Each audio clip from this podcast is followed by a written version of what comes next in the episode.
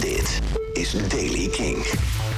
Op veel plaatsen schijnt vanochtend de zon. Tegen en tijdens de middag komen er wat buien met af en toe onweer en windstoten. Temperatuur 19 graden aan zee en 23 in het zuidoosten. Nieuws over Wo- eh, Roe versus Wade, Glastonbury en Skankerentie. Dit is de Daily King van maandag 27 juni. Michiel Veenstra.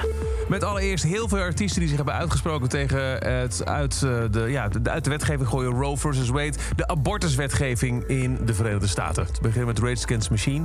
Die hebben bekendgemaakt dat ze 475.000 dollar aan eh, rechtengroepen in Wisconsin en Illinois eh, overmaken. Groeperingen die zich inzetten voor het behoud van het recht op abortus. Op eh, Glastonbury hebben heel veel artiesten zich eh, uitgesproken over de uitspraak van het Amerikaanse Hoge Rechtshof.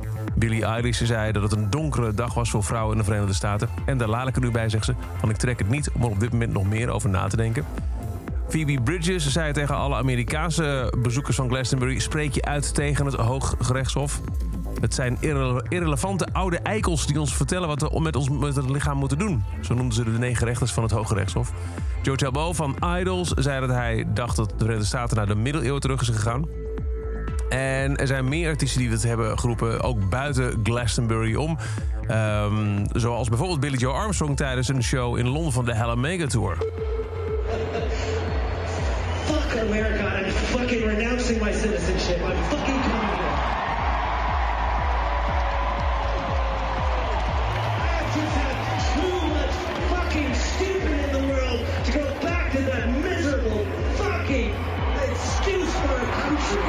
Ik trek mijn Amerikaanse burgerschap in, zegt Billy Joe Armstrong hier.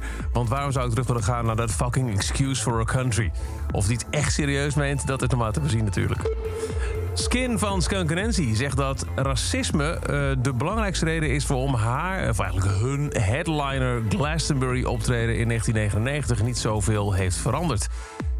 Komt alles te, eh, dit alles te maken met het feit dat ehm, Skin in 1999 destijds de eerste zwarte vrouw was die als headliner op Glastonbury stond.